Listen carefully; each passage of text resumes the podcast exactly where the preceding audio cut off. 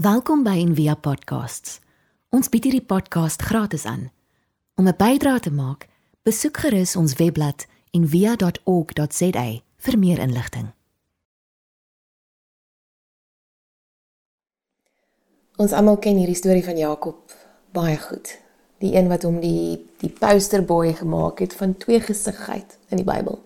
Sy naam beteken letterlik planmaker of hy wat verdring. Asof Shakespeare hierdie woorde vir hom geskryf het wat uit Hamlet kom. God hath given you one face and you make yourself another. 'n Ander Jakob, Jacob Needleman, het hierdie geskryf oor ons almal. There is a face within us, a source of attention and consciousness that is eternal. It's a literal fact, a material fact. To treat it as a metaphor for something we readily understand is to commit spiritual suicide. If we are not astonished by the idea of this kind of remembering, then we have not begun to understand it. Die gesig wat ons gekry het voor ons 'n gesig gehad het, soos iemand anders daaroor geskryf het. Die gesig, die enigste gesig wat wat sal oorbly as hierdie gesig nie meer 'n gesig is nie. En Jakob vergeet hierdie gesig. Soos meeste van ons. En kan ons net vir 'n oomblik um te kenne gee watter fyn beplanning en skerpsinnigheid in hierdie daad van bedrog ingegaan het. As Esau die harige taklose mankind wat nie noodwendig die die skerpste potlood in die pakkie was nie en sy broer Jakob die een met die helder oë die een wat kan aanpas by omstandighede wat soos 'n verkleermannetjie homself kan reinvent afhangend van wat rondom hom gebeur wat genoeg daddy issues het om ten alle koste 'n sukses te maak van sy loopbaan.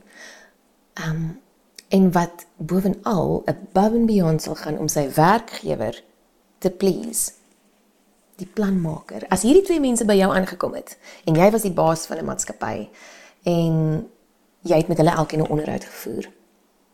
Ek dink jy sou dalk in jou notaboek geskryf het oor Jakob. Hy is innoverend. Hy is aanwins hy is 'n go-getter. Hy's 'n uitstekende kandidaat. Noel Coward het geskryf It's discouraging to think how many people are shocked by honesty and how few by deceit. Die verskil tussen ek en jy as 'n baas van 'n maatskappy en en God is dat God Jakob nie gekies het omdat hy skelm is nie, maar ten spyte daarvan. Hy het geweet dat Jakob se begeerte sy sy sy diepste begeerte is om geseën te word. En dit sou al sy besluite en sy dade beïnvloed. Hy wou op hierdie klassieke geval van mistaken identity sy volk bou. Hy hy wou hom nie los soos hy is en in cash op al sy wonde soos wat meeste van ons stelsels doen nie. Hy wou vir hom 'n nuwe naam gee. Nie tydens die onderhoud nie, maar veel later.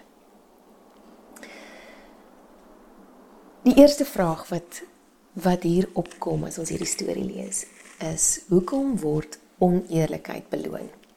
Want hierdie storie kon baie maklik anders uitgedraai het en veral die naderdraai daarvan. As dit een was waar Jakob hierdie gedoen het en sy familie het hom verwerp en weggestuur om in die woestyn tussen die wilde diere sy sondes te gaan bely en swaar gestraf te word, dan sou moraliste nogal 'n field day gehad het met hierdie storie. Wat jy saai, sal jy maai. Eerlikheid is die beste beloning.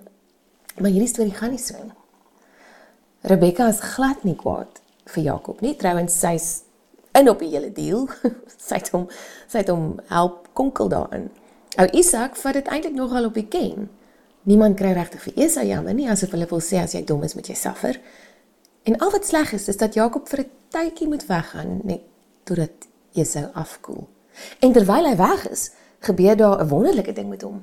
Mense sou dink dat hy nagmerries kry van al die skuldgevoelens wat hom ry, maar nee, hy kry 'n droom wat hom oorweldig so mooi is dit.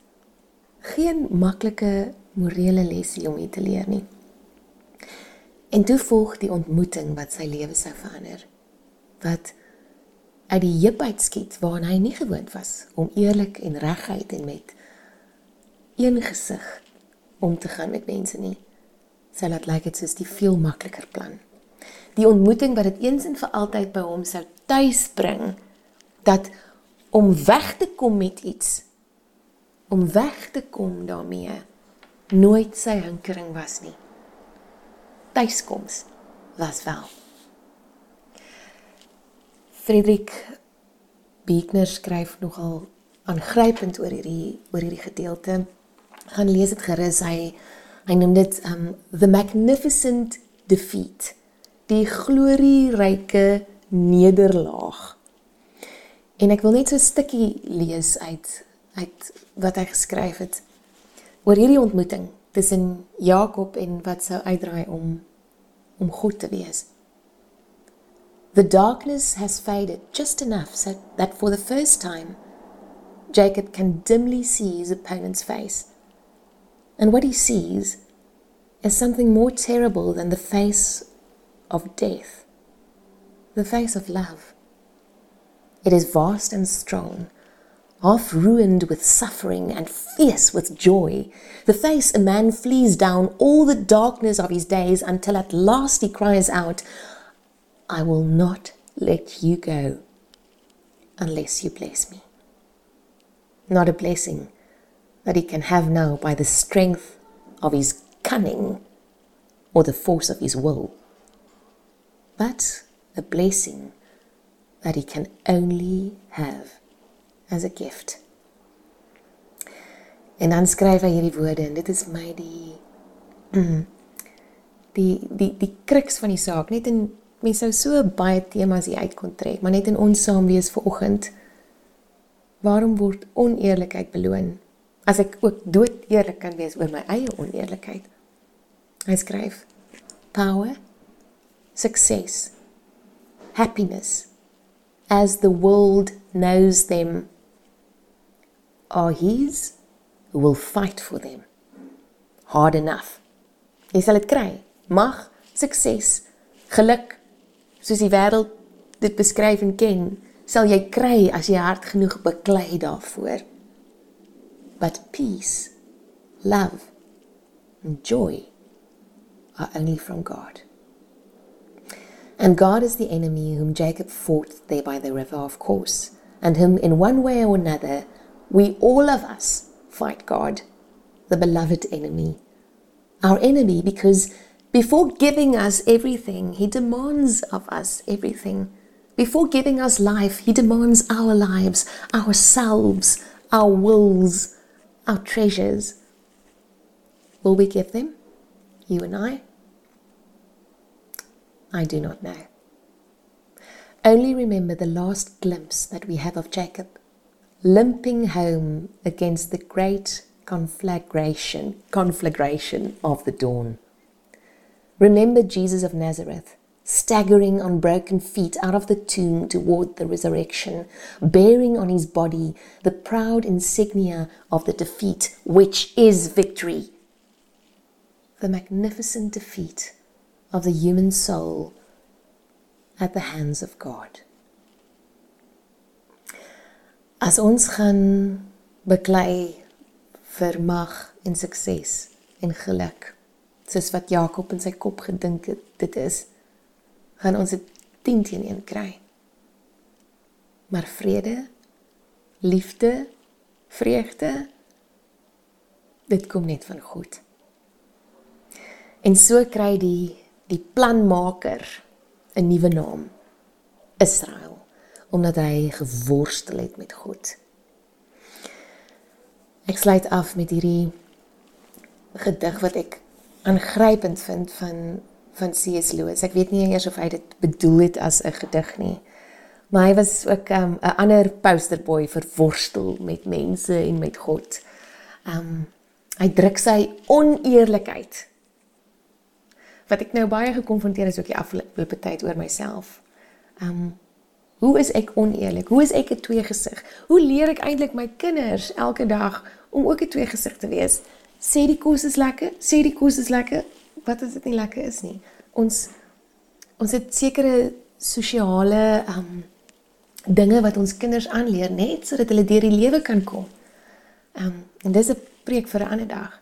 Maar hoe C.S. Lewis sy oneerlikheid so dood eerlik uitdruk en daarmee saam sy eie magnifieke nederlaag. As the ruin falls all this is flashy rhetoric about loving you. I never had a selfless thought since I was born. I am mercenary and self seeking through and through. I want God, you, all friends, merely to serve my turn. Peace, reassurance, pleasure are the goals I seek. I cannot crawl one inch outside my proper skin. I talk of love. A scholar's parrot may talk Greek, but self imprisoned always end where I begin. Only that now you have taught me, but how late, my lack. I see the chasm. And everything you are was making my heart into a bridge by which I might get back from exile and grow man. And now the bridge is breaking. For this I bless you as the ruin falls. The pains you give me are more precious than all other gains. Toe die engel Jakob se heup se se se potjie uitgeslaan het en hy vir die res van sy lewe met 'n 'n hinkepink moes loop, was dit dalk was dit dalk meer waardevol as alles anders. As al die aardse seën wat hy in die hande kon kry, wat hy in die hande kon kry om dit te kon ontvang. Ons gaan afsluit met hierdie bekende gesang.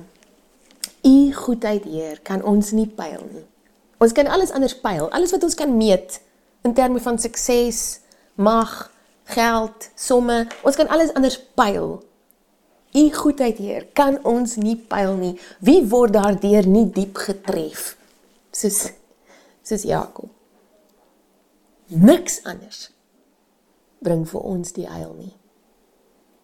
Ons wil ons hart tot U verhef. Kom ons luister saam daarna en sing dit ook in ons gedagtes vir oggend dood eerlik met ons met ons twee gesigte, met ons klomp gesigte saam en bring ons oneerlikheid ook op so 'n manier voor God. Ons hoop van harte jy het hierdie podcast geniet of raadsaam gevind.